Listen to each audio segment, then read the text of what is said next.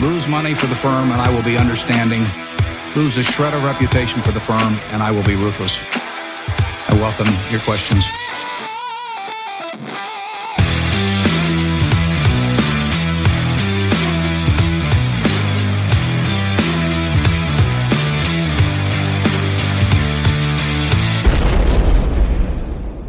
Välkomna till Kvalitetsaktiepodden. Det är jag som är Ola.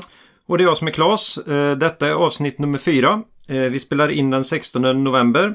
Eh, Och sen vill vi börja med några rättelser från förra avsnittet. Aj då. Det var Ola där först. Ja, just Hur det. var det med Warren Buffett och Taco Bell? Nej, det var ju inte något han hade ägt direkt. Däremot så har han ju McLean Company som är grossist till Taco Bell. Och dessutom har ju Lynch pratat mycket om Taco Bell så att det blev lite fel. Ja, han har dubblat upp en himla massa gånger i det bolaget för ett Ja. antal år sedan. Precis. Eh, sen då så, trots att jag i den här podden inte har speciellt mycket mer att göra än att se till att, att vi kommer igenom manus så lyckades jag missa Enea Aj, aj, i bolagsgenomgången. Eh, vi tar dem idag istället. Ja, precis. Det blir väl bra. Förutom det så ska vi börja och prata lite om eh, vad är rimlig avkastning över tid. Mhm, precis. Eh, lite olika strategier, vad, det, vad man kan ha för förväntningar. Mhm. Eh, rapportperioden, vi är i de allra eh, sista delarna av den. Ja, precis. Så vi ska ta några bolag där. Vi har eh, rapporterande bolag. Eh, Björn Borg till exempel, Elektra, eh, Pandora ska vi prata om och eh, Enea såklart då som vi missade förra gången. Mm, se om vi kan lyckas få med dem den här gången. Hopp, hoppas det. Ja, nej, kanske inte ska ha dem sist, men nu ligger de där. Ja. Eh, Buffett igen i citatet. ja, spännande. Ja, det finns ju ett citat för varje, Ja. varje läge. Så att det, Jag tror vi skulle kunna köra en hel säsong bara med Buffett-citat faktiskt. Så att, eh, där har man en oändlig guldgruva. Det finns ju en risk att, att, att folk uppfattar att det är precis det vi gör. Ja. Eh, en kul fråga. Veckans fråga. Ja, billiga, billiga aktier. Mm. Eh, så det ska vi ta. Ja. Eh, sen vill vi då för nytillkomna lyssnare återigen tipsa om introavsnittet. Förklara idén med den här podden. Vilka vi är och varför man eventuellt ska lyssna på det vi har att säga. Eh, vi har även inledningen av andra avsnittet. Eh, kan, vara, kan vara ett bra komplement eh, till, till grunderna i vår investeringsfilosofi. Och sen vill vi också påminna våra lyssnare om att eh, aktieinvesteringar alltid innebär en risk. Man ska aldrig satsa kapital på aktier som man inte är beredd att förlora. Precis, mycket viktigt. Och med det sagt vill vi också då påminna om att historiskt och över längre tid, och då pratar vi kanske 15-20 år, så slår normalt investeringar på börsen alla andra tillgångslag. Ja, där har du ju den här Stocks for the long run bland annat som har gått igenom senaste hundra åren och eh, kollat på eh, avkastning med olika tillgångslag och eh, drar man ut det till 15 år så har oavsett tidsperiod har ju aktier varit det bästa. Så att man ska vara långsiktig eh, när man investerar i aktier. Mm, nej, men om du sparar till en hjärtoperation om två år så är inte, Så är inte Fingerprint rätt investering. nej, Nej. kan vara, men förmodligen inte. Nej. Mm. Eh, så är det. Då hoppar vi igång med avsnittet. Ja. Ola, Mm. Vilken avkastning kan man egentligen förvänta sig över tid när man eh, mer eller mindre aktivt här nu då Ja, jobbar med aktier? Ja, eh, index, eh, något världsindex över senaste 100 åren har väl eh, legat runt 7% per år ungefär. Och, eh, det är väl det man egentligen kan förvänta sig om man eh, har en passiv förvaltning. Eh, säg att du köper Avanza Zero till exempel. Eh, eller någon, någon indexfond som inte tar särskilt mycket avgift. Eh, eller noll då som Avanza Zero tar så, så bör du kunna räkna med 7% över tid. Men det kan ju slå jättekraftigt såklart på enskilda år och det är väldigt sällan ett börsår slutar 7% plus om ni förstår vad jag menar. Så att, eh, eh, men över lång tid, drar du ut perspektivet så är det ju där någonstans. Och Ja, det är det man... Och, men då behöver du inte göra någonting va? Utan då, då kan du bara eh, ligga och vila i hängmattan eh, samtidigt. Så att eh, det är ju inte fy skam. Nej, så kan man vara med sina pengar ett tag ibland så 7% över tid då. Precis, precis. Och eh, som, som Claes sa här innan att investera inte sånt, sådana pengar som du behöver i närtid. Eh, för du vet aldrig hur börsen går kommande år liksom. Så att eh, långsiktigt sparande med kapital du inte behöver. Det är väl det bästa. Men det där var om du var passiv och låg på, på något index. Mm, precis. Om vi då blir lite mer eh, aktiva. Ja, det där är ju också svårt för eh, om man kollar på de här aktivt förvaltade fonderna till exempel eh, så vill ju de gärna framhålla att de slår index och över tid överpresterar. Eh, men eh, vår kära Buffett har ju kört en eh, ett bett mot de här stora fonderna på Wall Street där han har haft en, index, ja, en ren indexfond och de har fått eh, gå upp mot den med sina förvaltade fonder och Buffett har ju vunnit senaste tio åren här nu. Eh, så att eh, det, är, ja, det är svårt att, att veta om de dyrare förvaltade fonderna verkligen är bättre än en indexfond eh, faktiskt.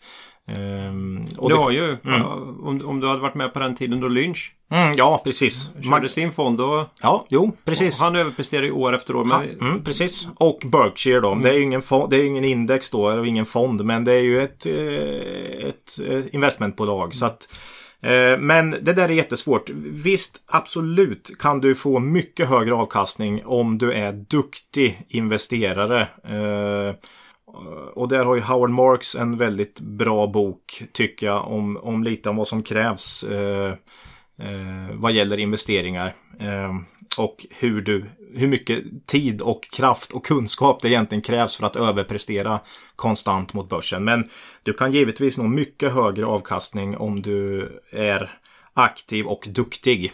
Eh, Eh, ja, det, det, så är det. Och, och den kan ju bli väldigt stor såklart. Eh, men du kan ju också förstöra för dig själv om du inte är så duktig. Eh, och du ska ju tänka på att det tar väldigt mycket tid. Så den här tidsjusterade avkastningen, om man, om man säger så, är ju ganska bra ändå genom en indexfond, tycker jag. Eh, för du behöver ju verkligen inte göra någonting va. Så att, eh, ja. Bara ligga med. Mm. Ja, eh, om vi, om vi tar steget över då till en...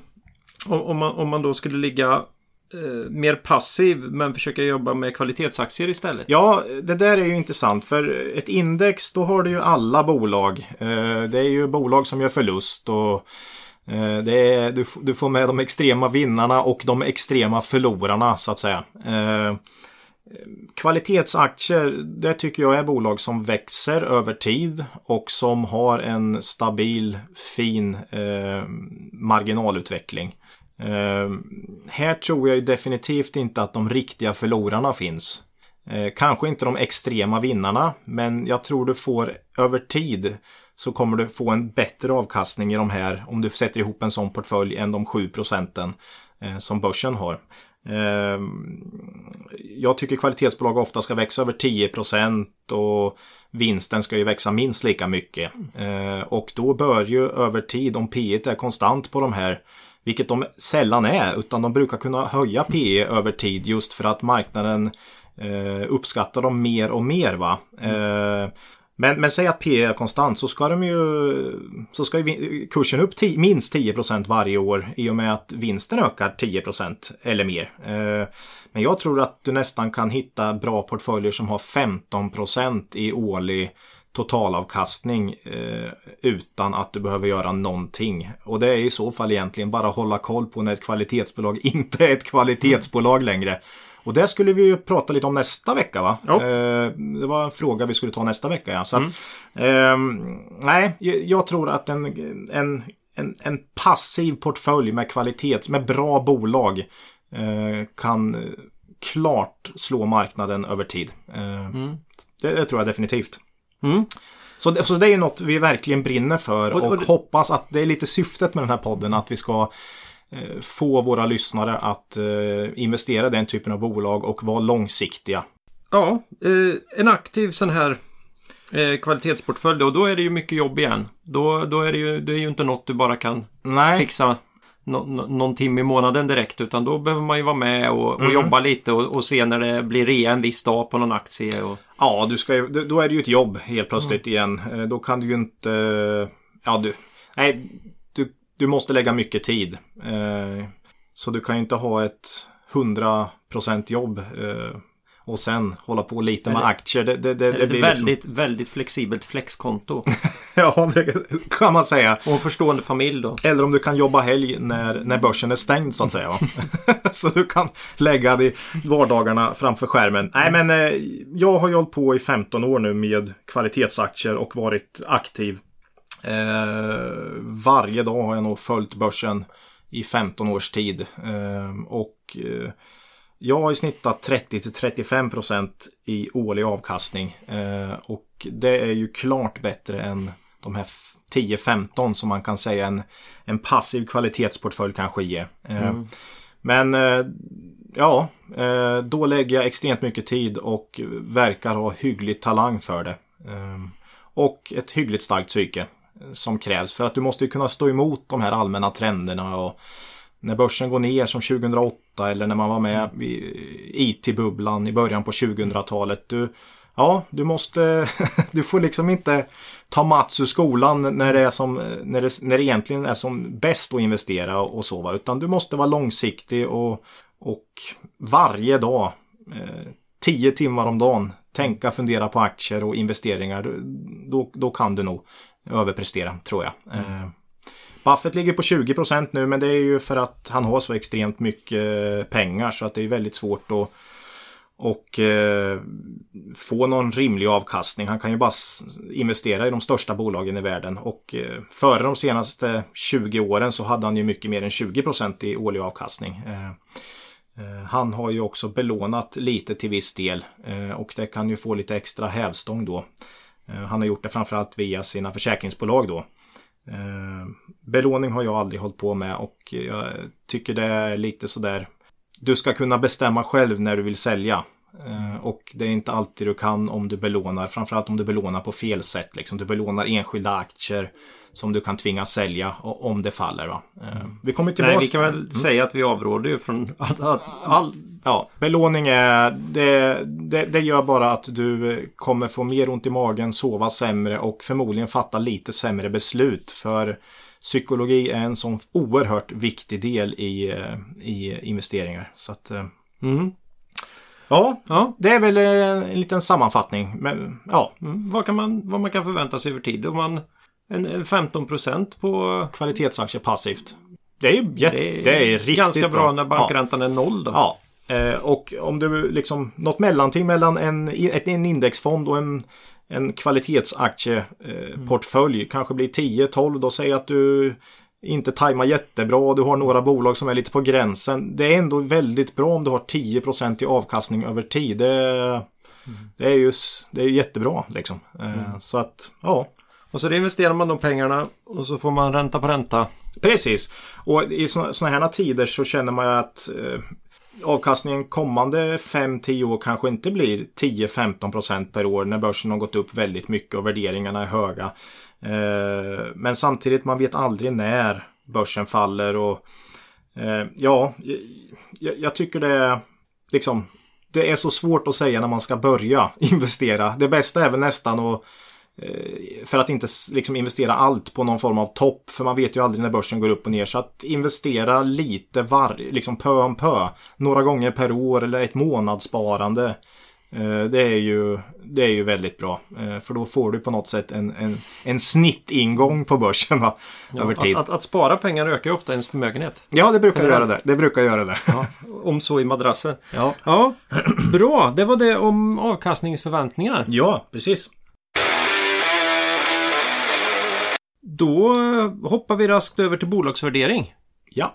Vad, eh, rapportperiod. Mm. Björn Borg eh, rapporterade idag. Ja, Ja, precis. är första serven in eller ut, Ola? Ja, det här är väl nästan en, vad ska man säga, vad kallas det? Hawkeye va? Eh, när eh, Videodomaren. videodomaren får gå in och, och, och granska servern om, om den sitter eller inte va. Eh, eh, ja, alltså den kom in ganska exakt på mina förväntningar faktiskt. Eh, både omsättningsmässigt och eh, Eh, vinstmässigt. Eh, vinst, omsättningen steg med 14 procent och eh, rörelseresultatet steg med 12 eh, Det här är ju ganska mycket eh, en konsekvens av deras förvärv som de gjorde vid årsskiftet.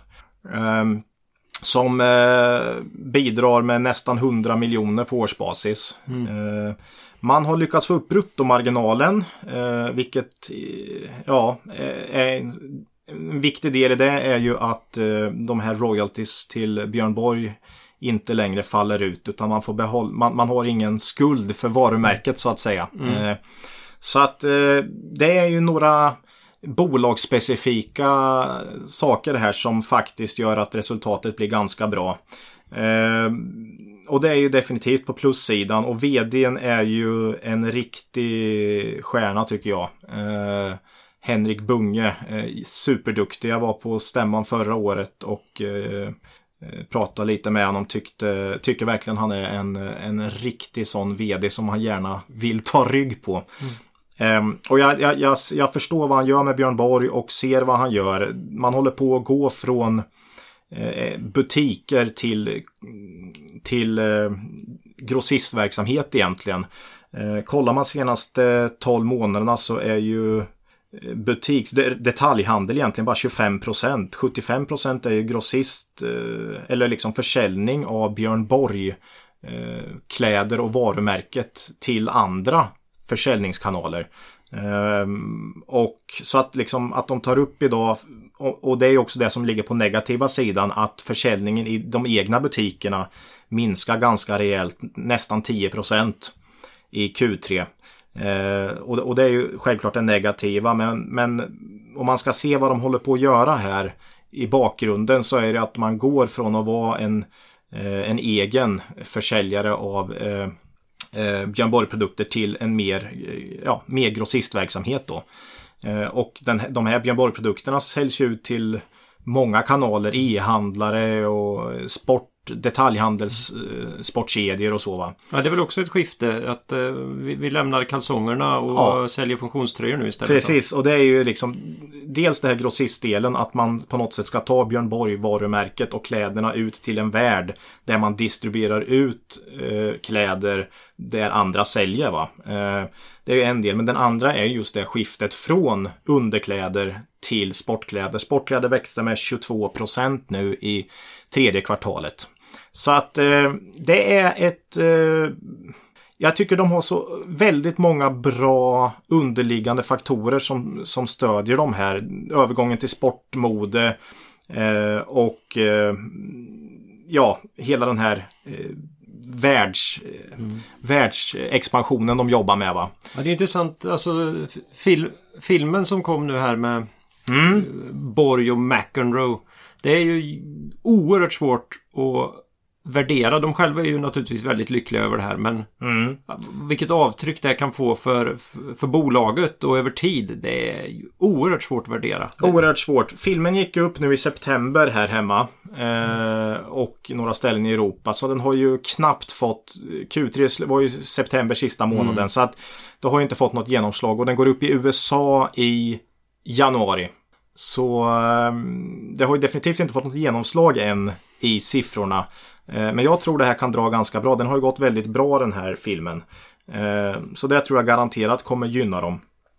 Eh, ja, det här är...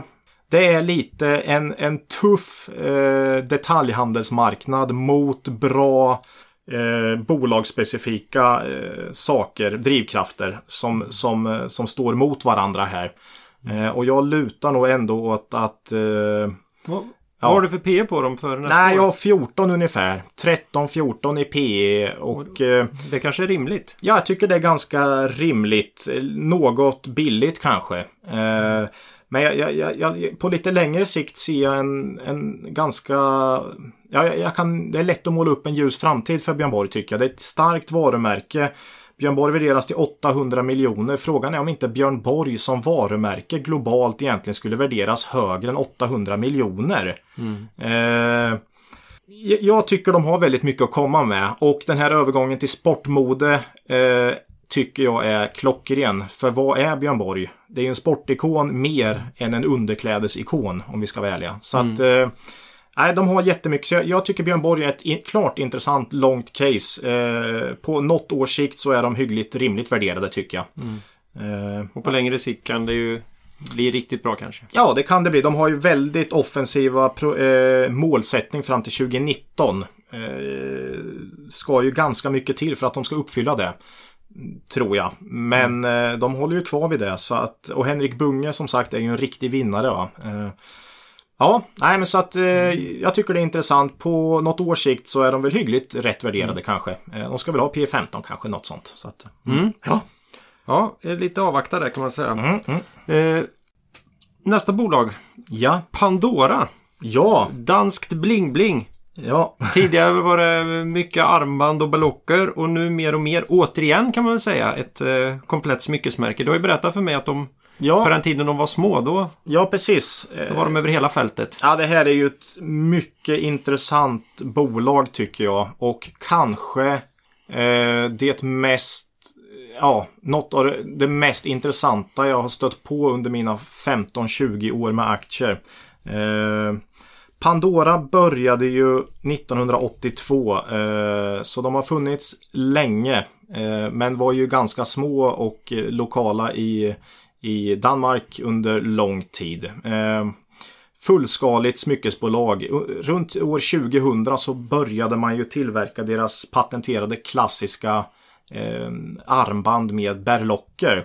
Eh, och det drev, har drivit försäljningen väldigt bra senaste då 15-20 åren. Mm. Lata, mest främst manliga respektive som liksom har en säker ja, present. Till eh, alla hjärtans dag. Ett ymningshorn med nej, födelsedagar, Födelsedag, ja. julklapp. Man får ett, ett par belopp. Kanske något till sommaren. Precis, precis. Ja. Eh, nej men så att 15-20 år har man ju byggt mycket på berlocker. Eh, och det här har ju ja, det har ju gjort att bolaget har liksom blivit ett bolag som nu omsätter 25 miljarder eh, worldwide eh, om året. Det är ju fantastiskt. Börsvärde på över 60 Ja, miljarder. 60 miljarder. Danska. Danska, ja, precis. Eh, och eh, jättefin historik. Man har ju vuxit med 30% per år eh, senaste 7-8 åren i snitt. Nu har man ju bromsat in i tillväxt och ligger på 15 procent eh, i år ungefär. 10-15 kanske det blir. Och eh, sådana här inbromsningar brukar vara tuffa för aktier som värderas till P20 eh, som Pandora gjorde här för något år sedan. Man har dessutom tappat lite lönsamhet. Det här är ju något som eh, ett antal eh, amerikanska hedgefonder har noterat. Och eh, man har börjat blanka, man började blanka aktien för något år sedan och har eh, stadigt liksom tagit upp och ökat de positionerna i Pandora. De lånar aktier och kränger av dem helt enkelt. Precis, precis. Och sen tänker de så köper vi tillbaka dem när det här, de här aktierna är superbilliga och tjänar. Ja, precis. Mm. Eh, och jag vet ju inte, i och med att Pandora har gått från 1000 kronor i kurs till eh, nu 500 70 eller 60 eller vad det är. Eh, så har man ju garanterat tjänat en hel del på det här. Eh, Pandora har ju samtidigt gått från P20 till P10. Mm. och just nu på förväntningarna för 2018 så, så handlas aktien till P9. Det är ju extremt lågt för ett globalt relativt konjunkturokänsligt bolag skulle jag säga. Jag tycker det, det är riktigt billigt och de här amerikanska eh, hedgefonderna har ju såklart sett utvecklingen i USA med eh, hela liksom döden av eh, de här köpcentrumen som finns. Eh, måldöden. Måldöden, ja precis. Och de har haft rätt. Helt enkelt. Eh, jag, jag, vet inte om de har haft rätt i Pandoras utveckling som bolag. Det, jag vet inte vad de har satt för, för, har för tro där riktigt. Men de har ju haft rätt i kursutvecklingen. Och det här är ju en av de bolag under mina 15 år som jag sa där jag tycker att skillnaden mellan bolagets utveckling och kursutvecklingen har varit mest häpnadsväckande. Nu har man en prognos för i år som ser ut att göra att Q4 ökar omsättningen med 20% vinsten kanske ökar med 10, 11, 12 Eh, Man har ju kommit in i Kina här nu ordentligt. Hela den transformationen. Det är två starka trender som jag tycker eh, driver Pandora idag. Många har ju det här med berlocker. Det är så 2000. Mm. Eh, ja, men Berlocker har ändå varit och är fortfarande Pandoras storsäljare och har varit så i 20 år. 15-20 år. Det verkar inte vara en extrem fluga. Eh, men visst, det, det, är en stor del för dem. Men eh, övriga produkter växer väldigt snabbt och mycket snabbare än än vad eh, armband och berlocker växer. Så att eh, man går ganska fort mot att bli ett storskalig. Eh, och andra saker det är ju ringar och ringar, örhängen, örhängen, och halsband. Ja, precis, och, mm. precis. Klockor har man börjat med precis. Så att man går ganska fort mot det där. Om man har attraktiva butiker, man ligger lite lägre i pris än Tiffany's och Swarovski och, och de här. Mm. Så man har ändå nått som, som attraherar medelklassen. Eh, och just den här övergången då från eh, att bli ett fullskaligt smyckesbolag. Det, det tycker jag säger mycket om vart de ska så att säga. Och då ska de inte handlas till P9. Tiffany's handlar till närmare P20 läste jag. Mm. Eh, och de har nästan ingen tillväxt. Eh, så att ja, jag tycker det är en av de här sakerna som är väldigt viktigt att hålla koll på Pandora. Hur mycket växer övriga produkter? Den andra är ju att man växer väldigt snabbt i Asien. Även eh, Europa går bra men Asien växer man väldigt snabbt i och snart är ju USA bara 20, nej 25, 25, ja det är väl 28-29 procent just nu av omsättningen. Så 71 procent är övriga världen. Så att frågan är hur mycket vikt ska man lägga vid USA?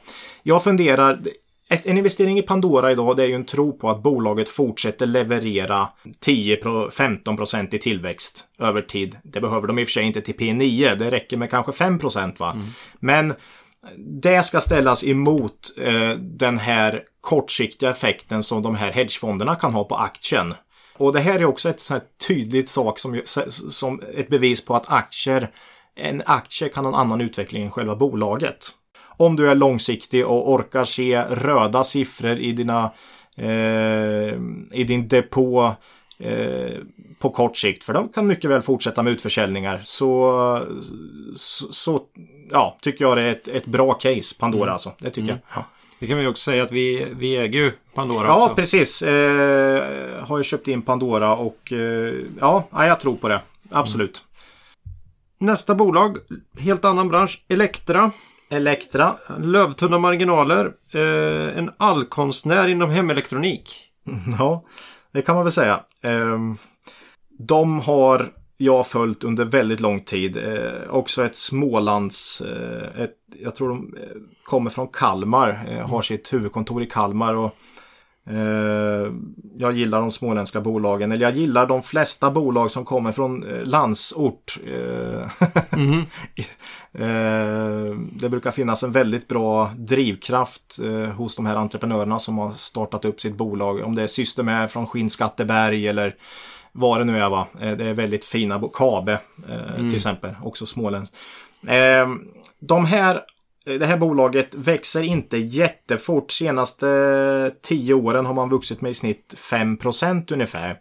Eh, och eh, då är det frågan om det är ett kvalitetsbolag. Eh, ja, för stabiliteten så tycker jag det. Man har extremt låga marginaler. Man ligger på mellan någon procent och kanske 3-4 procent de bästa åren. Men man, men man liksom håller det där utan att göra förlust något enskilt kvartal. Det är fruktansvärt imponerande. En maskin alltså? En, en vinstmaskin? En vinstmaskin, ja mm. precis. Och eh, bra balansräkning. Delar ju, har ju ett av de bästa bolagen vad gäller direktavkastning eh, på Stockholmsbörsen. Det ligger på 6-7 procent mm. någonting. Eh, jag tycker tillväxten är lite för låg eh, i Elektra för att jag ska tycka det var ett riktigt, eh, liksom, att det ska vara ett riktigt bra case. Men för stabilitet och... Vad var det för P idag? Ja, de har nog 13 tror jag. Eh, och eh, liksom, du kan jämföra det med Pandora som har 9 då. Mm. Eh, som växer klart snabbare. Eh, jag, jag, tycker Elektra är inte superintressant i dagsläget. Även om det är oerhört välskött. Mm. Ett kvalitetsbolag. Kvalitetsbolag. Men mm. eh, ja, det, det, det, det, är lite för, lite för svagt i, i dagsläget tycker jag. Eh, sen brukar de göra något förvärv lite då och då. Då kanske det kan vara intressant. Va? Men, mm.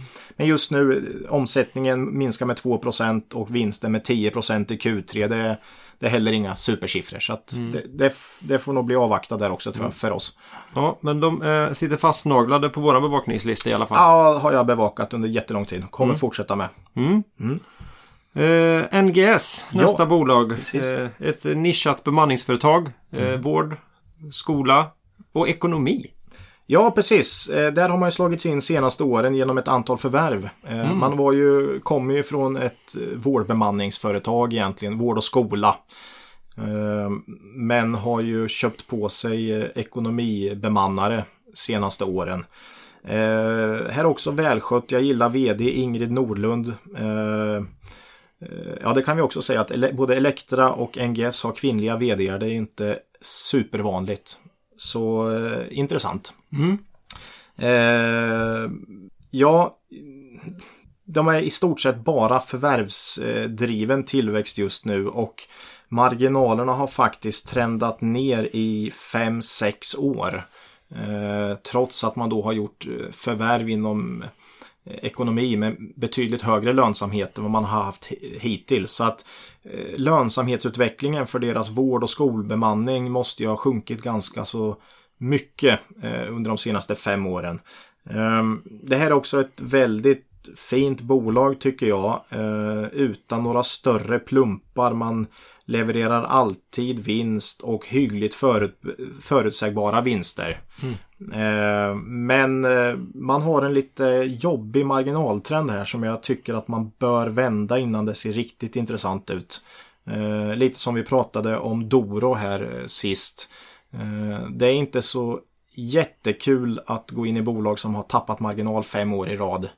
Eh, Man funderar lite på vad det beror på, om det är någon, någon större trend. Är det här ett kvalitetsbolag som håller på att bli något annat? Eh, Så att jag tycker NGS får man avvakta lite och, och eh, se när marginalen inom vård framförallt då vänder. Eh, Mm.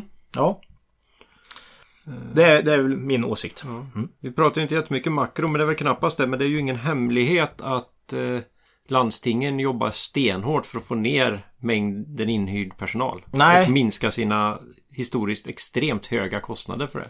Så att eh, nu vet inte jag exakt hur det slår, mot NGS. Men eh, det är ju inte en, det är inte en drömsits att sitta i. De, de ses ju inte som hjältar direkt. Eh, på det sätt de kanske igen kan ha varit i någon, i någon del av landet. Men, Absolut. eh, Nej, men eh, det där har ju varit uttalat länge från landstingen. Men det, i de facto så är det ju så att eh, kostnaderna minskar inte. Man har bara målsättning att de ska minska utan de ökar ändå hela tiden. Eh, men du har hela den det ligger ju lite emot dem då kan man tycka att du har en kund som i, i, egentligen vill bli av med dig. Eh, och dessutom så har du hela den här eh, vinstdebatten eh, inom eh, eh, vård, skola. Eh, Som egentligen inte bör drabba NGS för de är ju inget de driver ju inte en skola, de driver ingen vårdinrättning. Men det är ändå ligger lite som en våt filt över hela den här sektorn på något sätt. Eh, Men det ska inte drabba NGS eh, på, direkt om, om man inför något vinsttak. Men ja, de här två sakerna ligger ju lite, eh, lite och tynger aktien tycker jag. skaver lite. Skaver lite, precis. Mm. Ja, eh, men då kan vi säga att där sitter vi väldigt still när det gäller NGS. Ja, avvakta eh, och ser framförallt när de kan få eh, vända marginaltrenden. Eh, och, och sen är det ju det här också att när ett konsultbolag eller bemanningsbolag blir, blir större. Det, det är lätt att växa procentuellt i början med att öka antal anställda. Eh, det är inte så lätt när du har 1000 eller 2000. Nu har ju inte NGS så många men eh, desto större det blir som bemannare eller konsultföretag desto svårare är det att växa med stora siffror. Eh, och, och det är också, det kan vara väldigt bra att hoppa på de här bemannarna eller konsultföretagen när de är små. Hänga med från 100 anställda till 300. Men där någonstans börjar det bli jobbigt när det ska bli 600 och 1200. Och, ja. Så skalbarheten är ju inte superstor. Nej, Nej. eh, det är bra att tänka på. Mm. Ja, då ska vi göra ett nytt försök. Tror du det kan funka den här gången Dola? Är det Enea? Det är det här bolaget jag inte förstår som vi pratade om förra gången. Ja, just det. Det är uppenbarligen ett globalt mjukvarubolag som specialiserat sig på lösningar för kommun- kommunikationsintensiva produkter.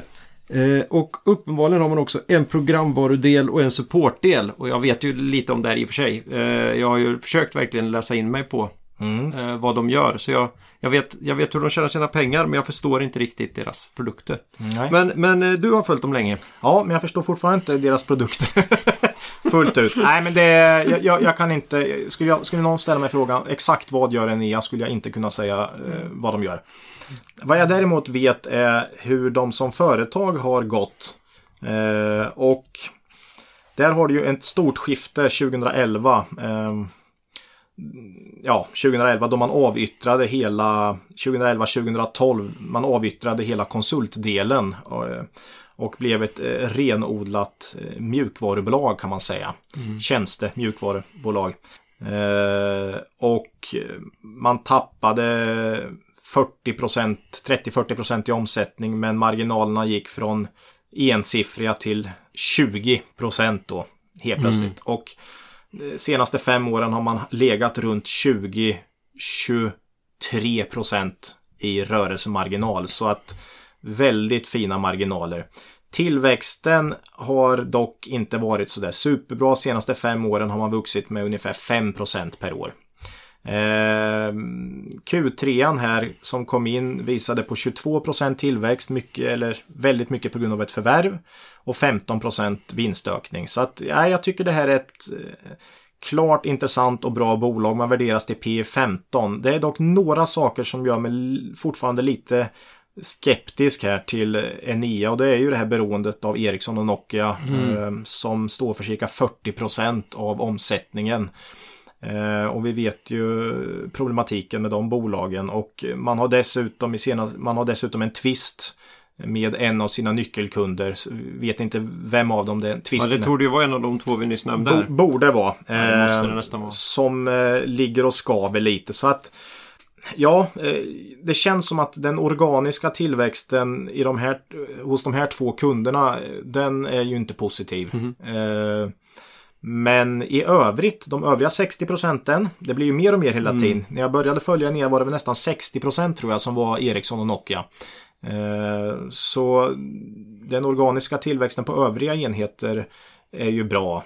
Och dessutom gör man förvärv som förhoppningsvis inte har eh, Ericsson och Nokia som kund.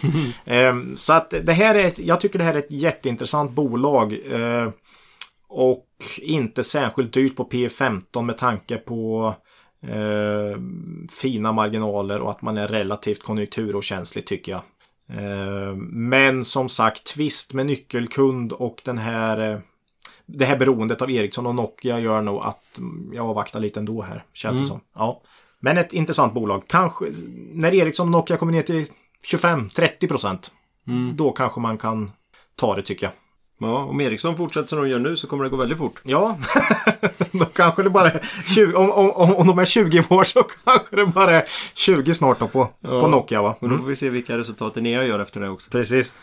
Ja, Ja, det får väl bli bolagsdelen här. Det tog ganska lång tid. Men eh, ja. jag tyckte det var viktigt att gå igenom här. Och, eh, ja. Det kan man väl säga också att eh, nu, nu var det väl Pandora ett jättestort bolag i och för sig här. Men eh, många av de bolag som, som vi följer noga ligger ju på de mindre listorna. Mm. Och de har ju en tendens att rapportera sent. Eh, och det är ju resursfråga helt enkelt. Ja, precis. Eh, och Många pratar om att det är liksom lite sämre kvalitet i bolag som ligger sent i rapportsäsong. Eh, ja, jo men det kan man nog säga lite men det har ju det är också just att ha, ha med att göra att det är mindre bolag med mer slagiga verksamheter. Eh, de stora levererar ofta fort, de små kommer lite senare. Eh, det är inte fullt ut rättvist tycker jag att säga att bara för att du eh, släpper rapport sent så är du inte ett bra bolag. Det, det tycker jag inte. Men eh, ja, mm. Förklaringen är snarare att du är mindre generellt. Ja, tror jag. man kan ju fundera på vad man tycker att ekonomi, vad ekonomiavdelningen på ett tillväxtbolag ska prioritera. Ja, du har ju ett av börsens starkaste eh, kvalitetsbolag, BTS till exempel. Mm. Som eh, rapporterar nästa vecka tror jag. Mm. Eh, så... De har ju stor amerikansk verksamhet i och för sig. Stor amerikansk verksamhet, men ändå.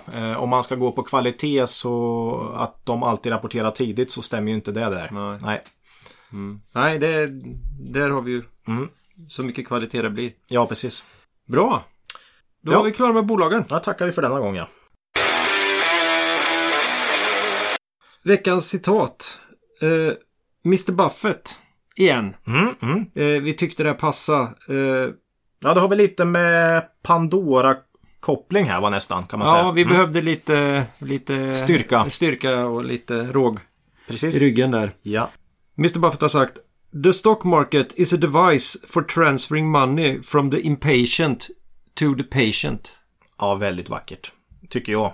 Eh, eh, och, och det här som vi pratade om förut då också med långsiktighet och att inte eh, att inte ryckas med i kortsiktiga saker utan bara investera på lång sikt och, och vara avslappnad och lugn i det helt enkelt. Då kommer du göra minst 7% över tid.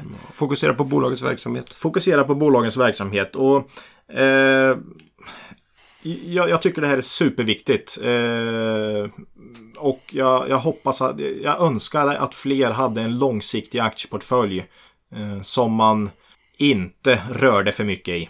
Och om vi tar Pandora-caset här så är det ju en detalj där som är ganska intressant och det är ju att aktien har, ja, eller egentligen alla aktier som är i en lång nedtrend. Eh, hur ska du veta när botten är nådd? Det kan du ju aldrig veta och att du skulle pricka just botten är ju oerhört osannolikt. Om en aktie har fallit med 40-50 procent. Vad är sannolikheten att du prickar botten? Liksom? Den är ju nästan obefintlig. Så att det handlar om att någon gång köpa när man tycker det är tillräckligt billigt och sen bara vara patient. Eh, vänta. Eh, var lugn. Följ bolagets verksamhet och titta inte så mycket på ak- aktiekursen utan varje kvartal så ser du hur levererar bolaget och Sitt inte framför skärmen och kolla på de dagliga rörelserna för det kan ju vara allmänna börsras eller eh, ras i enskilda aktier. Det kommer någon analys eller det är någon blankningsfirma som är inne eller vad det nu är. Va? Så att, Ja, nej, jättebra citat tycker jag och jag tror supermycket på det där. Ja, det gäller att vara disciplinerad Precis. och, och tro på sina bolag. Ja. Och, och där är ju det här med bra ledningar också, ska man säga. Eh, för att kunna vara långsiktigt trygg och, och patient, tålmodig, så vill du gärna se en ledning i bolaget som är eh, duktig och som du litar på. Eh, då blir det mycket lättare att sova gott och luta sig tillbaks i, i fåtöljen med den där konjaken och eh, bara, bara vara trygg helt enkelt med att det kommer lösa sig. Ja, det passar, passar bra med, med konjak när vi pratar danska bolag kanske. Jag vet inte. Ja. Det kanske ska vara en... Vad är det i Pandora? Är det en... Jag lär mig aldrig. Det är Carlsberg det ska vara där. Ka- I, I Danmark menar du? Nej, Pandora. Ja, Styr, Styrelseordföranden. ja just det. Han heter Tuborg. Tuborg ja. Det Ja. ser jag. Kan inte lära mig det här. Nej, nej. Det är ju värdelöst alltså. Ja, Jag tycker det är roligt. Ja. Mm. Veckans fråga. Mm. En eh, lite sån här allmän fråga som du, som du ofta får och har behövt behandla genom åren kan man säga. Ja, till och från får man den här. Ja, och det är ju det här med är det inte så att en aktie som kostar 5 spänn är billigare än en aktie som kostar 100 spänn? Mm, det där är ju en fråga man ofta får. Eh, och det är ju lätt att skratta åt den när man är liksom inbiten aktieanalytiker eller vad det nu är. För att egentligen handlar det ju inte om en aktie kostar 5 kronor eller 100 kronor. Utan det handlar ju om hur många aktier finns det och vad blir totalt börsvärde när du multiplicerar 5 kronor med antal aktier. Och vad blir totalt börsvärde när du multiplicerar 100 kronor med antalet aktier i det bolaget. Och hur står det sig sen mot fundamenta Och hur står det sig sen mot fundamenta? Så att nej, en aktie som kostar 5 kronor behöver inte alls vara billigare än en aktie som kostar 100 kronor. Eh, och det är ju fundamenta såklart. Men du har ju en psykologi i det här också faktiskt. Och jag vet inte hur utbrett det är, men eh, bolag splittar ju från tid till annan. Eh, och du har ju inte börsposter längre.